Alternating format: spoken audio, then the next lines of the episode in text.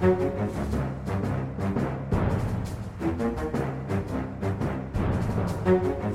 til Aftenpodden, en uh, ny uke. Jeg er politisk journalist Lars Glomnes. Med meg har jeg politisk redaktør Trine Eilertsen. God dag, god dag. God dag. Og kulturredaktør Sara Sørheim. Hallo. Hallo. Uh, det er, nå har ting begynt å skje litt i 2016, uh, føler jeg. Nå var det litt vanskelig å egentlig få nok plass og velge ut hva vi skulle prate om i dag. Ja, men Det er alltid det som skjer når den grusomme måneden januar, som burde, burde bare vært sletta fra alle kalendere, når den endelig er over, folk har blitt friske igjen, folk har begynt å drikke igjen. Eh, folk har lagt planer for året. Altså, jula er i gang. lønning.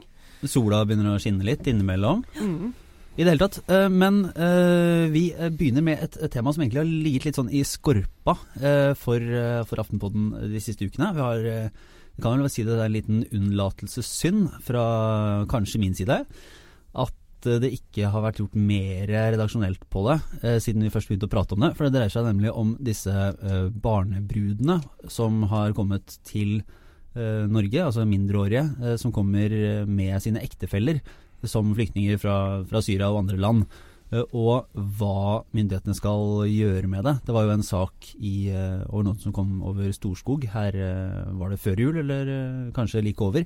En 14-årig jente som hadde med seg et barn, var gravid og hadde en ektemann på 23.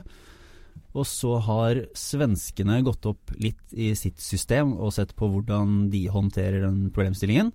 Og så hadde NRK nå en sak eh, der de gikk inn i, i, i, dette og oppdaget litt hvor mange tilfeller det er snakk om i Norge, og det var en god del. Uh, og så fikk de jo uh, rikssynser, uh, lands si, Norges fremste kloke mann, som han er profilert som, Per Fugelli Eh, til å blande seg i dette. Og han gikk hardt ut og mente at eh, dette måtte man ha en viss forståelse for, og da fikk han jo eh, greit med smekk. Ja. Ja, da eksploderte det vanligvis. Det, det, er jo blitt sånn når Per Fugelli uttaler seg om aktuelle saker, at han blir omfavnet, elsket.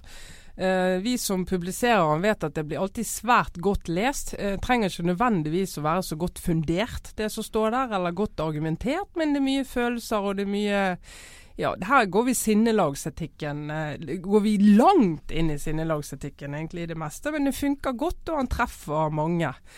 Eh, nå eh, bommet jo Per Fugelli på sitt publikum. Eh, for nå ser du at de som er Altså, én ting er en del eh, innvandringskritikere som uansett har dømt han nord og ned for lenge siden. Men nå begynner, nå fikk han si sitt eget eh, omland rett i fleisen. Mm.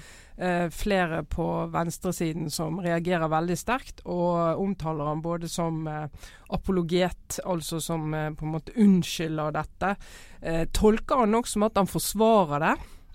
Ordene han bruker er jo at vi må forstå at det skjer. Eh, og at det har vært en skikk i tusen år i, i enkelte land. Eh, så blir det jo noe i ferd med å bli en bitte liten diskusjon, men jeg tror ikke den når gjennom lydmuren om det er forskjell på å forstå at ting skjer, altså å, erkjenne at det skjer, eh, og skjønne hvor det kommer fra. Og akseptere at ting skjer. Og i en sånn sak som er så betent og vekker så mange følelser, vi har nettopp snakket om en elleve år gammel jente som altså er gift og hvor alle mødre, tror jeg, og fedre som har jenter på 10-11-12 år, jeg vet hva bilder de har i hodet når de hører det, de klarer ikke å høre forskjell på å akseptere og forstå. Så dette nå, nå er det virkelig inn i en sånn tåke, denne, denne, debatten. Og her har Per Fugelli ikke veid ordene sine godt nok, og det har uh, smalt det der, altså. Og Det vitner også om en, en, slags endring i, eh, i si, tidsånden, faktisk. Eh, nå så jeg Thomas Hylland Eriksen eh, kom støttende til, og, og sa seg enig i at dette er et fenomen man må prøve å forstå. Han presiserte riktignok at det å forstå ikke er det samme som å støtte. Men som Trine var inne på, så er det litt, litt vanskelig å skille de begrepene fra hverandre i en så lada emosjonell et sånt case. Men det var den følelsen av sånn Oi, der kom 90-tallet og banka på døra plutselig. Hele den eh, epoken av kulturrelativisme og postmodernisme og mangel på egentlig å bare virkelig sette skapet på plass. Det, var, det, er en, det, er jo et tiår der som bare har ødelagt for um, særlig venstresiden i norsk politikk i, liksom, i, i lang tid etterpå. Eh, den manglende evnen til å si at det, dette er bare ikke greit. Og den, den derre relativismen som ligger i at noen fenomener som er helt dypt forkastelige, de skal vi møte med forståelse. Mens andre fenomener, når det passer oss, f.eks. vaskehjelp hjemme, det skal vi møte med moralsk forar forargelse. Og akkurat den formen for venstremoralisme, hvor du selv får lov til å bestemme hvilke virkemidler du kan bruke når, er, altså, den, den, er, den, er, både fryktelig irriterende, men også dypt ødeleggende for Uh, uh, rett og slett for hele retorikken på venstresida. Spenner bein på seg selv. Men, men, hvis man ikke skal forstå det, i og for seg eh, fair nok, men, men liksom i praksis, hvis man ser bort fra ordene, hvordan er det hvordan er det Norge kan, eh, kan møte en sånn problemstilling? Det kommer, eh, det kommer folk som da er en eh, litt en familie på sitt rare vis. De aller fleste er heller kanskje 15-16 enn 11-12. Um, er det, hvordan, ja, hvordan, skal man da vise, sette ned foten? Hva er, hva er liksom, hva, hvilke verktøy har vi, og hva når, vi har jo så, skal brukes? Vi har jo f.eks. norsk lov. Altså, det er veldig mye av dette som ikke er noe å lure på eh, som, er, som, er, lovregulert. Eh, blant annet så har vi noe som heter seksuell eh, lavalder i dette landet. Så det er jo ikke, det er jo ikke et så um, det, er, det, er, et veldig vanskelig spørsmål fordi det er eh, komplisert å gå inn i, rett og slett fordi at vi snakker store kulturforskjeller. Men det er ikke så uendelig vanskelig heller, når en del av de handlingene faktisk er eh, forbudt ved lov. Men det, men det, som er, det, som er, interessant og på en måte må, må, være den neste debatten, er jo nettopp det. Jeg sier det hvis det er 60 jenter i norske asylmottak som, eh, som er i den situasjonen, og de er i alderen ja, fra 11 har vi hørt, da, og så opp til da 15, opp til 16, hvis vi regner 16 som en grense her. Uh, og de har, de har uh, en situasjon hvor de har en mann uh, som da i utgangspunktet har lov til å, til å forgripe seg, vil jo jeg si da, når vi snakker om særlig de yngste av de. Eh, på disse jentene. Og de, de, overgrepene må jo forhindres straks som en gang. Det går ikke an at en, en, en 11-12-13 år gammel jente ligger eh, naken i en sang, seng med en voksen mann som har lov til å gjøre det han vil med henne. Det er klart at det går ikke an, det må stoppes med en gang. Eh, og så har du de der, eh, hvis du er 16 eh, og du kommer fra en kultur eh, der dine foreldre, som vi hører i hvert fall er en forklaring på det, sier at det er en større beskyttelse for jenten å bli giftet til med en mann eh, og ha den beskyttelsen, selv når de skal flykte og legge ut på en reise, enn å reise alene f.eks. Eh, da, da begynner det med en gang å dukke opp en del dilemmaer. Uh, og de vet vi kommer fra en kultur hvor det er at bare det at en kvinne blir tatt ut av denne settingen, gjør at hun blir uh, Det blir lagt på en, en, del skam og en del skyld på hun, som kan gjøre, skape store problemer for hun i forhold til familien og forhold til veien videre. Og, og det, det, er en del sånn komplekse ting. Men at vi skal gå inn og forhindre de konkrete overgrepene, det som Sara sier, det er ikke noe å lure på. Det er klart vi må det. Men uh, ja. Men det er, det er en sånn eh, Nok et eksempel på Det blir fort en litt sånn teoretisk eller moralsk diskusjon eh, for noen av oss, og så er det liksom en helt jævlig virkelighet for eh, andre. Og det er også med på å gjøre en diskusjon litt sånn ekstra provoserende. Det er litt det der med at det er, ikke, det er, liksom ikke et spørsmål om å la være å handle, det er ikke et spørsmål vi kan sitte og teoretisere. Det handler om at vi som samfunn har ansvar for å beskytte eh, de svakeste blant oss. Eh, og dette er barn som har et umiddelbart krav på beskyttelse. Og det er liksom bare å, å, å handle på det. og gå til, bruke de sanksjonene man har, gå til, gå til arrestasjoner hvis man kan påvise lovbrudd eh, osv. osv. osv. Og så får man liksom eventuelt bruke tid i diverse tenketanker rundt omkring hvis man har behov for å, for å liksom eh, dvele ved dette. Men, men, det er nok en sånn eh, um, Det er en forståelse blant enkelte Uh, som, som, utvises da når det gjelder disse spørsmålene, som jeg skjønner at provoserer. Og jeg skjønner at den uttalelsen fra Fugli har vekket så mye harme. Vi ser det er mange nå i sosiale medier som skriver han, altså, dette er ikke min venstreside. Eh, og som tar avstand fra, fra han. Eh, og det, det, må jeg bare si at det, akkurat det skjønner jeg. Ja, og han, han uh, gjør jo det som man ofte gjør når man skal så, så jo, Som du sier var et problem i norsk politikk langt opp på 90-tallet, som fremdeles er et problem i svensk politikk.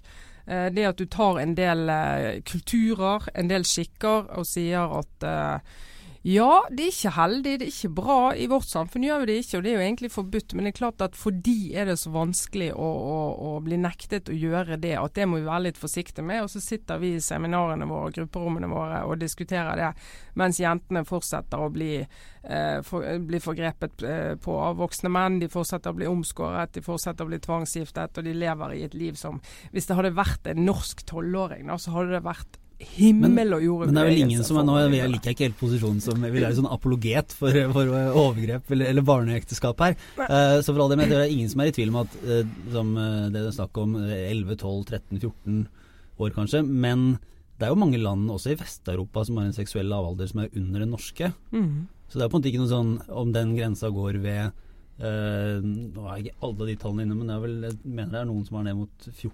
Og jeg, mm. jeg er ikke spesielt enig i det, tror jeg. Men det er i hvert fall Det fins på en måte hva skal man si, liberale, vestlige, uh, akseptable argumenter for ulike grenser der. Ja, og, og, da en 15 og en halvåring som er gift, ville kunnet være gift uten at myndighetene skal bryte opp det forholdet hvis de hadde vært i Frankrike, tror jeg. Mm. Men liksom, det jo, for det første er det en tid for alt. Eh, og så er det også litt sånn at et, et lovverk da, vil jo aldri klare å romme eh, alle disse nyansene. Eh, men, men, man må på en måte legge det på det nivået hvor flest som trenger det, får beskyttelse. Og så får man leve med Kanskje det faktisk fins velfungerende relasjoner mellom mennesker med så lav alder og eh, liksom, altså jenter med veldig lav alder og eldre menn. Det kan godt hende at jenter fra det øyeblikket de blir kjønnsmodne, at noen er i stand til å kunne ha sex uten at det er skadelig i det hele tatt. Tor Erling Staff har faktisk hatt en sånn har jo hatt en rolle i norsk offentlighet hvor hun har argumentert for at vi altfor ofte definerer alt mulig som overgrep. Kanskje var det til og med en fin opplevelse. Jeg mener, Det finnes, det finnes sånne nyanser, men poenget er at det kan ikke gjøre at vi ikke lager et lovverk som i hovedsak beskytter de som trenger beskyttelse. Det er mye mye verre at noen blir utsatt for overgrep, enn at noen eh, faktisk ikke syns det var så ille at de likevel møter den lovgivningen, da, hvis dere skjønner hva jeg mener. Det er noe med å skille litt sånn snørr og bart og vite liksom at ansvaret er å sørge for at de som trenger beskyttelse, i best mulig grad får det. Uh, og da må man kanskje leve med at det er noen sånne nyanser som blir borte. Ja, tvangsaspekt er jo vesentlig. Uh, jeg tror vi alle som har vært 15 år vet at 15 eh, år gamle jenter, det er så mangt. Uh, og de kan være Noen er veldig barnslige, og det er helt utenkelig, for de har en sånn relasjon. Og andre de er veldig modne. Kan, det kan være flere år i modenhet oppi hodet på både jentene og guttene på den alderen. Altså det, det, det, kan være vanskelige ting, men tvangsaspektet er utrolig det, jenter på 11-12-13 år, det, det, er klart det I det er det en form for tvang. For det er ikke rett og slett naturlig at de skal leve sånn. Men dette er jo veldig eh, altså, Det er veldig vanskelige spørsmål, og eh, det kjenner jeg, jeg kjenner når vi snakker om det nå. Eh, og liksom diskutere saklig. Og det skal ikke være saklig. Mennesker vi er ikke sånn innstilt at vi klarer å ha et ikke-emosjonelt forhold til disse tingene. Men eh, samtidig så er det også sånn at altså Man må tillate litt emosjoner i en sånn diskusjon. Men eh, noen har den fordømte plikten til å bare ta et sånt helt saklig juridisk ansvar. Og det er godt å ha lovverket i møte med en sånn type eh, moralsk relativisme, da. Altså, Men det er klart Du må ha et apparat da, for det er klart det enkle for alle oss er å si at her må bare så politiet gripe inn. Og så må de anmelde, og så må vi anmelde, og så må de bli dømt, og så må jentene tas vekk. Og så er det, er det jo et neste steg der som ikke vi bekymrer oss mye for. Hva med den jenten eh, etterpå? Altså Hvem skal passe på henne? Skal hun vokse opp i et norsk fosterhjem? Eh, skal hun ha kontakt med sine foreldre? Altså Det er mange sånne dilemmaer. Hun er ny i landet, kan ikke språket, helt alene i utgangspunktet. Og så skal du løfte henne ut av en setting som eh, for hun kanskje oppleves som Nå snakker jeg ikke om 11-åringen, men kanskje mer 14-15-åringen. Oppleves som jo, altså i, greit nok. Altså det er ikke helt krise, sant. Men det er ja, hun vet ikke om noe annet. Det, det, det, det, er ikke veldig enkelt for de som faktisk skal gå inn og møte det. da. Hvis vi tar et, et uh, hopp eh, videre til, uh, til noe egentlig fortsetter på du var inne på i stad, Sara. Med, med, den norske venstresida så var det jo en stor utvikling der forrige uke eh, som skaper litt dynamikk i norsk politikk ved at SV-leder Audun Lysbakken gikk på talerstolen på landsstyremøtet og sa at de ikke går til valg i 2017 på en fast rød-grønn koalisjon og vil stå på egne ben. Uh, og det åpner jo litt opp uh, den politiske scenen. Var du ja. overraska, Trine? Nei, jeg snakket med, jeg gikk bort til Frank Rossavik, som jo har skrevet bok om SV, og så spurte jeg Frank, dette må vi skrive kommentar om. Å, sier han, hva, dette her var jo ingen overraskelse. Det skulle bare mangle, sier han litt sånn. Eh, så sier jeg ja ja, men leserne vil jo sikkert eh, lese litt om det for det. Ja, Så han skrev den kommentaren, og den jo, eh, gikk jo litt langs det sporet at selvfølgelig gjør SV dette. Eh, og egentlig har Audun Lysbakken sagt det på litt forskjellige måter før, men nå sa han det veldig sånn tydelig fra denne eh, talerstolen eh, på la, landsstyremøtet, var det vel. Uh, og da uh, er det jo mange måter å gå inn på. Det ene er å se hva skjer med dynamikken på rød-grønn side. Den, hvis du kan kalle det en dynamikk. uh, der er det jo virkelig sprekk i laget for lenge siden, så de jobber jo ikke sammen om noe som helst som kan vitne om at de er en slags felles opposisjon. Og det er jo fornuftig.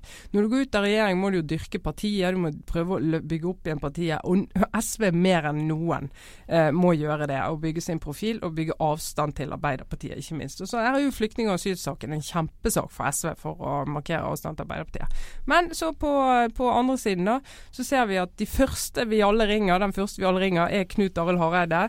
Og spør ja, nå er det vel, går det vel an å samarbeide med Arbeiderpartiet ja, fordi, fordi de omsider har gjort det slutt med SV.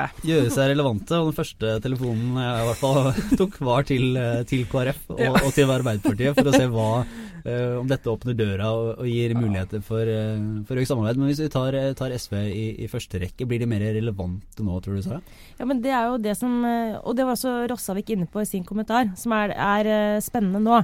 Fordi strategisk sett så er det helt åpenbart riktig å, å bryte ut av det liksom, mer eller mindre gode samarbeidet og eh, rett og slett markere seg. Markere SV som et reelt alternativ til venstre for Arbeiderpartiet. Men spørsmålet er jo eh, om dette fører til eh, en ny politikk. Eh, om de klarer å reise eh, en intern diskusjon, og kanskje om de klarer å fremstå som et parti som f.eks. evner å være progressive på venstresiden i spørsmål som det vi akkurat har diskutert. Og det er jo en sånn, eh, syns jeg, veldig spennende Sånn, eh, på en måte en intern debatt på venstresiden, men den har jo forgreininger inn i alle de viktige spørsmålene i norsk politikk. Det er jo det med eh, skal de ta et oppgjør med den 90-tallsaktige holdningen som vi har toucha inn på nå, som er litt sånn at uh, du skal møte det multikulturelle med en meget stor forståelse, f.eks., for men du skal kjempe knallhardt mot uh, etablerte fiendebilder.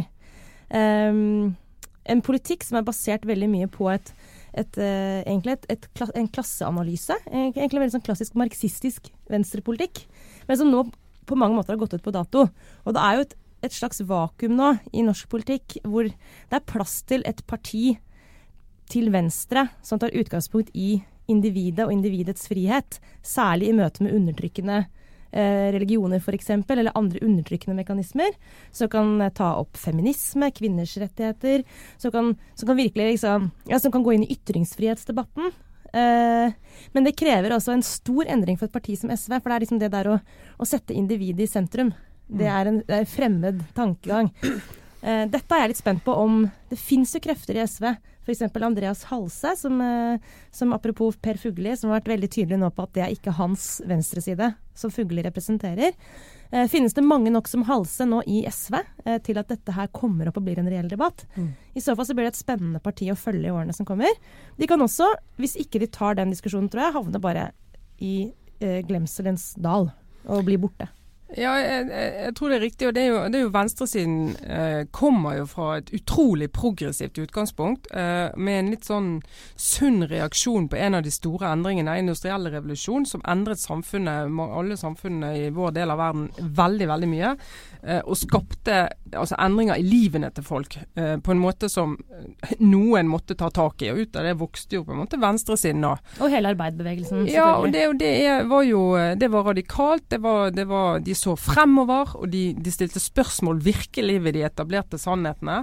Eh, og klarte jo gjennom å, å, gjøre det å få med seg folk, da, som jo var de de snakket på vegne av, eh, å flytte samfunn mange steg i en retning som jeg tror vi alle er fornøyd med.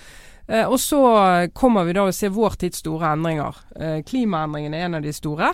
Der eh, har jo SV der skjønte jo de på 90-tallet at der kan vi faktisk få et sakseierskap. Sliter litt med de grønne, men der skjønte de at der kan vi gå inn og ta en posisjon. Og det kan jeg bare veldig... skyte inn der at ja. I min liksom, foraktfulle omtale av 90-tallet, som ja. jeg ofte liksom tyr til, så ja. må jeg bare si at det er et stort unntak for akkurat miljøpolitikken. Det skal vi SV virkelig ha for. Der var de framtidsretta. Det var de ikke 90-tallet, den tida du var engasjert på venstresida?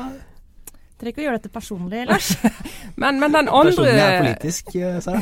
La Trine fortsette nå. Ja, la nå Trine snakke. Den andre store saken er jo folkevandringene. Migrasjon. Altså måten det påvirker eh, samfunnet på. Det, grunnen til at det skjer, hva, hvordan du skal møte det. Men òg hva som skjer i, altså, i, vårt samfunn som følge av den migrasjonen. Hva som skjer igjen, vi er tilbake igjen til industriell revolusjon. Men hva skjer med folks liv? Hva skjer med de, eh, hva type liv lever de menneskene som kommer hit? Hvordan skal du greie å gå inn og, og svare på de uh, utfordringene på en konkret møte? Og Der mener jeg at Altså SV har Altså, det blir for wishy-washy, det blir for overordnet. Det blir for lite sånn Jeg tror jeg Andreas Halse virkelig putter fingeren på et ømt punkt når han mm. eh, sier at Fugelli Dette er ikke minst venstreside. For han liksom drar det ut i det absurde, den derre eh, Forståelsen for. Ja. Men nå så jeg, jeg tror så Karin Andersen i SV reagerte også veldig sterkt på Per Fugelli, så for alle SV-erne, jeg liker ikke der, altså. Men der har det jo vært et, eh, et, eh, oppgjør, eller et pågående for så vidt, en, en debatt i Storbritannia som jeg syns er rart vi ikke har hatt i større grad i Norge. Og det skyldes kanskje rett og slett at de åtte årene med, med rød-grønn regjering la litt sånn lokk på det politiske verkstedet på venstresiden og sementerte litt. Altså det foregikk kanskje ikke en så interessant diskusjon i de partiene på politikk i de årene. Men, men i, i, Storbritannia så har du hatt dette oppgjøret med venstresiden, eh, som bl.a. Nick Cohen, som både jeg og Trine leser med stor eh, interesse og, og, noen ganger begeistring. Han har vært en representant for, som nettopp har, har anklaget venstresiden for å ha sveket i disse spørsmålene som, som Trine er inne på nå. Uh, Christopher Hitchens var jo en annen veldig kjent uh, kritiker Eh, som kom fra venstresiden, men han forlot jo venstresiden og, ble, og ble, rett og slett eh, relativt høyrevridd, kan man si, på slutten. Eh, men, men den diskusjonen blant folk som ikke nødvendigvis har forlatt venstresida, men som på en måte er fortsatt en del av det, men som, som, som på en måte kunne tatt dette og gjort det til en levende debatt, det syns jeg er litt rart at det ikke har kommet. Det kan kanskje komme nå eh, noen år seinere enn de gjorde i Storbritannia. Jeg hadde jo håpet at eh, Bård Vegar Solhjell kunne være en som i hvert fall kunne dra opp noen sånne diskusjoner, men nå eh, Han har ikke forsvunnet, men eh, han er jo ikke så tydelig og viktig i SV som han var. Litt, sånn, det, er jo det er ikke så lett å vite, det kan være andre årsaker, men det er jo noen eh, krefter som er forsvunnet fra SV eh, i de siste årene. Alle påstår at de ikke har egentlig så mye med eh, partiets politikk å gjøre. Men de, eh, jeg tenker på f.eks. Altså Erik Solheim har jo for lengst dratt av gårde og nesten meldt seg inn i Miljøpartiet, har inntrykk av. Og Bård Vegar Solhjell. Eh, men også en, en figur som Roger Skjerva, som nok står for en han, Jeg antar han står ganske til høyre i SV. Mm noen sånne profiler som, eh, som, har rett og slett bare forlatt partiet. Og sett utenfra så lurer jeg jo på er det fordi de ikke ser noe håp om en, en reell politisk endring eller en, en, en, spennende debatt der? Eller er det bare fordi de på en måte Er det tilfeldigheter? Men, eh, men jeg, jeg, tror på en måte for Audun Lysbakken som partileder at han bør nå passe på at han, hans viktigste jobb nå bør egentlig være å, å få opp alle motstemmene og prøve å få i gang De har fortsatt tid til å ta en litt sånn grundig debatt der. Eh, men den bør helst liksom være tatt før neste valg, hvis vi skal ha håp om å ikke mm. bli borte under den berømte grensa. Uh, har bare andre ting som meldte seg på i dag, uh, av, uh, av, engasjerende temaer. Og var du, du var på det møtet møte i morges, eh, Sara. Det er, det er morgenmøte for eh, de som bestemmer hva som skal dekkes mm. gjennom dagen. 8.45 hver dag. Et veldig ja. viktig møte i Aftenposten.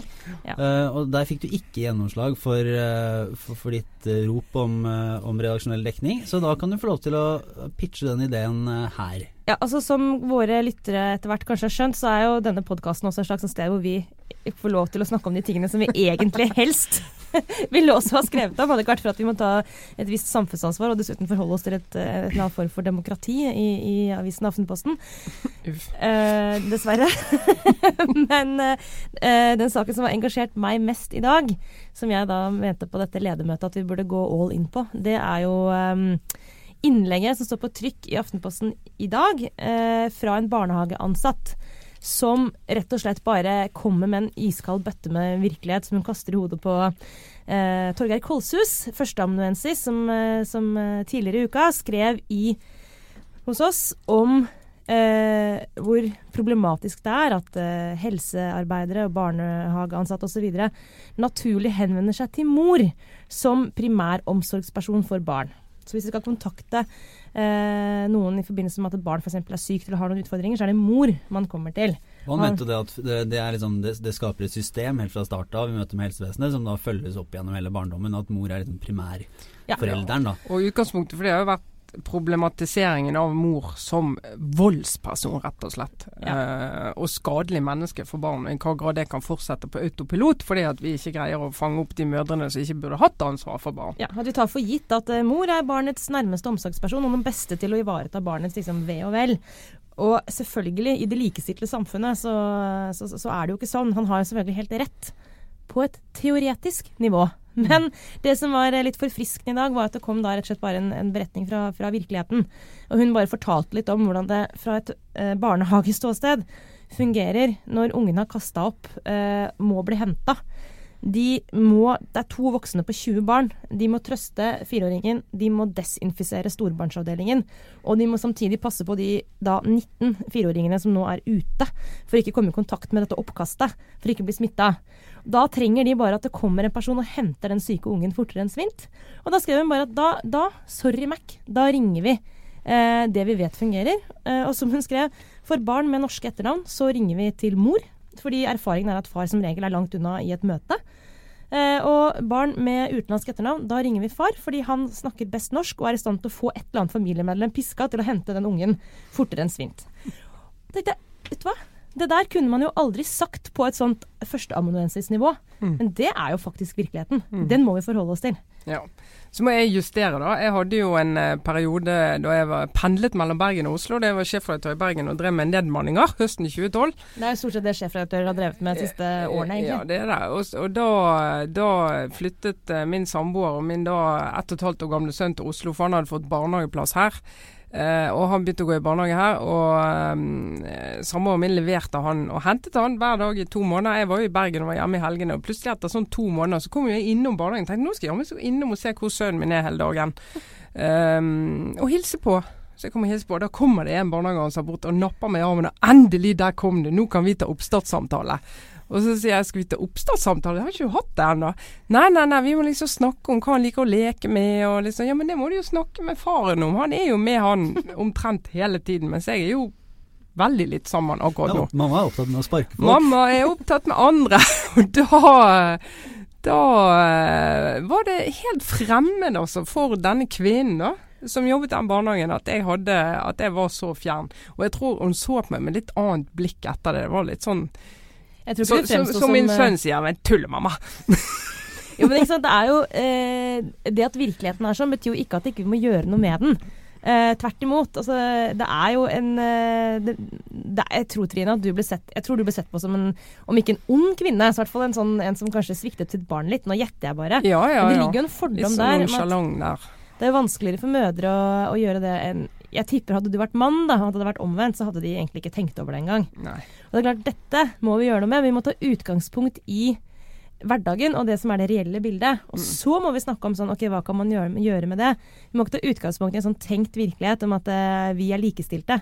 For at det, eh, jeg må bare si at Etter at jeg selv fikk barn, så fikk jeg et sjokk over hvor lite likestilte vi egentlig er. Og hvor fjern den verdenen før du blir omsorgsperson, er fra den som kommer etterpå.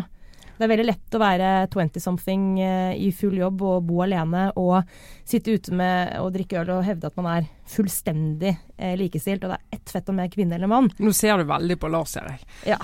Du har det lett, Lars. jeg, og jeg forsvinner litt i, i stolen her. Vi skal ikke ta hele denne kvinner og kvinne og mann-diskusjonen, for vi var jo brukte en del tid forrige uke på et annet aspekt ved dette. Veldig viktig tema. Forresten, vi kan jo bare nei, i den barnehagen vi forholder oss til, vi har eh, to gutter der, så når ungen er syk og kaster opp, så gjett hvem de ringer. De ringer eh, kanskje far? Ja, det gjør de. Så jeg er på en måte statistisk statistiske uteliggeren her. Ja, men Trine, det du gjør da, er at du er med på å endre systemet innenfra. Og Ja, det er egentlig den mest effektive Det jobber jeg for, altså. Jobber å endre bildet av mor. Ja. Som en litt sånn eh, tilfeldig fjern person som du knapt får tak i. Ja. Tenker liksom Men ja, vi hadde egentlig tenkt å introdusere spalten eh, Trines eh, reformhjørne. Eh, for å gi deg en sjanse til å prate litt liten om, om skattereform. på Ja, skattereform. Men det får vi ta en annen vi neste det gang. Ja. Veldig, Og veldig det er, ny- kan jeg få lov bare å si i en bisetning, for da setter jeg ikke punktum, jeg bare sier komma, at det går mye bedre med kommunereformen enn vi kunne ha grunn til å frykte. Bare sier det, dette kommer vi tilbake til. Og vi gleder oss. Uh, vi tenkte bare å avslutte egentlig med den eh, vidunderlige lille avistabben til Romerikes oh, ja. Blad eh, i går, der de hadde prestert å illustrere en eh, Det var vel en kommentar om Siv Jensen med et bilde av en Bjarte Hjelmeland, skuespilleren, i Siv Jensens berømte kjole fra valgnatta. Jeg, jeg vil legge til en litt sånn 8-10 kilos overvektig Bjarte Hjelmeland, sånn at ja. On so many levels var dette Det var- ille. Rett og slett. En, eh, vi kan jo bare sitte som, som eh, kollegaer av, av journalistene og, og redaktørene der og, og eh, le av eller med eller eh, Ja, er så, en av delene. det er det som er så herlig. Det er det vi kommer til å miste den dagen liksom alt blir automatisert og det er roboter som er feilfrie, som redigerer avis. Gru dere, kjære eh, lesere der ute. Fordi eh, menneskelige tabber dette er, jo, liksom, det er jo bare en sånn Dette er jo en, sannsynligvis, unnskyld at jeg sier det, er sannsynligvis en mann som har lagt, lagt på dette bildet og bare sett den derre Det vi kaller leppestiftkjolen, men alle vet jo hva det egentlig ser ut som. Det er en vanlig norsk referanse, vil Ja. jeg si. Eh, så den, han har bare sett den kjolen eh, og tenkt at der har vi et bilde av Siv i den kjolen, det tar jeg. Eh, og rett og slett ikke lagt, ikke lagt merke til at det er, er Bjarte Hjelmeland. Og det er så gøy på så mange nivåer. Det er virkelig sånn Life imitates art på en, eh, en helt herlig måte. Og jeg tenker på så, min gamle avis Romerikes Blad. Det var det første stedet jeg jobba som journalist. Eh, som vel på en måte ligger litt der ute på Lillestrøm, ute i Roseveien hvor de har lokaler kanskje ikke får den oppmerksomheten de fortjener for all den gode journalistikken de jo faktisk bedriver. Eh, Det er vanskelig å være lokal regionalavis i dette landet, men nå er de da på alles lepper. Så egentlig får de bare takke Bjarte Hjelmeland for at han ga dem den eh, posisjonen. Men jeg tenkte jeg skulle benytte anledningen til å høre om dere hadde noen sånne klassiske eh, Vi skal jo ikke sette oss på en altfor høy hest. Noen klassiske sånne tabber som, eh, som ville kunne konkurrere med dette her. Altså Fra mitt journalistliv så det er nok eh, mest eh, liker Kanskje best å fortelle om det. Det har vært tabber på trykk for all del, men det jeg kanskje liker best å fortelle om, det jeg jeg satt i en intervjusituasjon, jeg og en annen person, som var i Bergen den gangen. Og en gang i måneden drev med litt sånn større sak, så jeg måtte snakke med han den dagen. Det var den tirsdagen den måneden han var der, så jeg måtte snakke med han. Og så eh, håpet jeg å få noen dokumenter av han. Uh, vi møttes på Flesland uh, flyplass oppe på en kafé der. Og så hadde jeg kvelden før fått infeksjon i visdomstann, så jeg måtte operere dagen samme dag. Var full i Palgin forte og bedøvelse. Eh, sa det til han at det var sånn det var, men at det skulle, dette skulle gå fint, og han måtte bare snakke i vei. Eh, og så fikk jeg ikke med meg dokumentene. Han bare sendte over permen og sa kan du, du må lese de her. Og så begynte jeg å lese dokumentene, og så kjente jeg jo at det kom en søvntog. Men altså, da sovnet jeg ved kafébordet vis-à-vis dette intervjuobjektet. Sånn bare datt ned i permen, egentlig.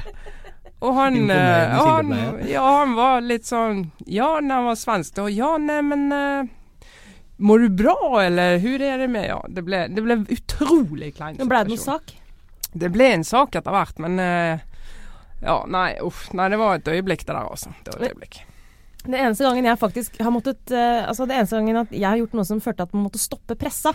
Det er et begrep som kanskje er helt ukjent for deg, Lars, eller andre unge mennesker. Purung. Men eh, det var faktisk i Romerikes Blad, apropos det. Og det var det jeg kom i skade for, og det er jo for noen kanskje det verste man kan gjøre, type banne i kjerka. Jeg har hørt på Dye Straits, et undervurdert uh, band, i alle de herrens år fra jeg var liten. Nå får Trine helt fnatt der. Eh, Det er det verste bandet som fins. Ja, nå var det sagt. Altså, Dye Straits, dette må bli et spesialsending. Jeg mener at Dye Straits, din generasjon, har et sånn helt utrolig fjernt forhold til Dye Straits. Dye Straits er kjempebra. Ikke gutten i min klasse, for å si det sånn. Nei, for han redaktøren jeg hadde da, han var en av de som eh, For at der er det sånn elsk eller hat, ikke sant. Og han hadde elsk da, på Dye Straits. Og jeg siterte eh, Jeg skulle sitere 'Money for Nothing'. Uh, der, der synger jo og spiller Mark Nuffler 'I play my guitar on MTV'. Men jeg skrev 'on an empty wheel'. Altså et tomt hjul. Jeg har aldri vært så opptatt av liksom, tekst. Jeg tenker det var fint, fint å synge. Eh, og når han oppdaget det, så ble han så utrolig gal, han redaktøren, og da ringte han og stoppa pressa. Og ringte og skjelte meg ut etterpå. Så det er faktisk sånn rent i, målt i kost, så er det det dyreste jeg har gjort. For det er faktisk utrolig dyrt å måtte stoppe pressa og starte på nytt. Eh, så det er faktisk Men du slapp ja. den ydmykelsen og har skrevet den feilen på trykk, eh, så får du gleden av å kunne fortelle om det nå. Ja, og så eh, kan jeg og Trine gå ut av studio og krangle om Dice Race. Her skjønner jeg vi har en Ja, vi kranglet før vi gikk inn og kan nevne det. Ja. Eh, Men jeg tror vi får, eh, får eh, si stopp der, og takk for denne gang, rett og slett. Trine, Sara, Vi takk. hørs. Jeg var Lars Glomnes. Ha det bra.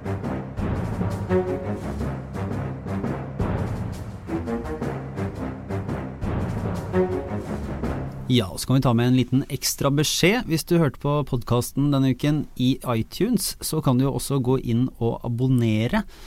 Da får du den neste utgaven rett i telefonen din uten å måtte gjøre noe som helst. Eh, Det gjør du ved å søke på Aftenpodden i eh, iTunes-søkeren, og så er det bare å trykke på abonner og vente på neste utgave. Gi oss også gjerne en stjernerating i iTunes hvis dette er noe du vil anbefale til andre å høre på.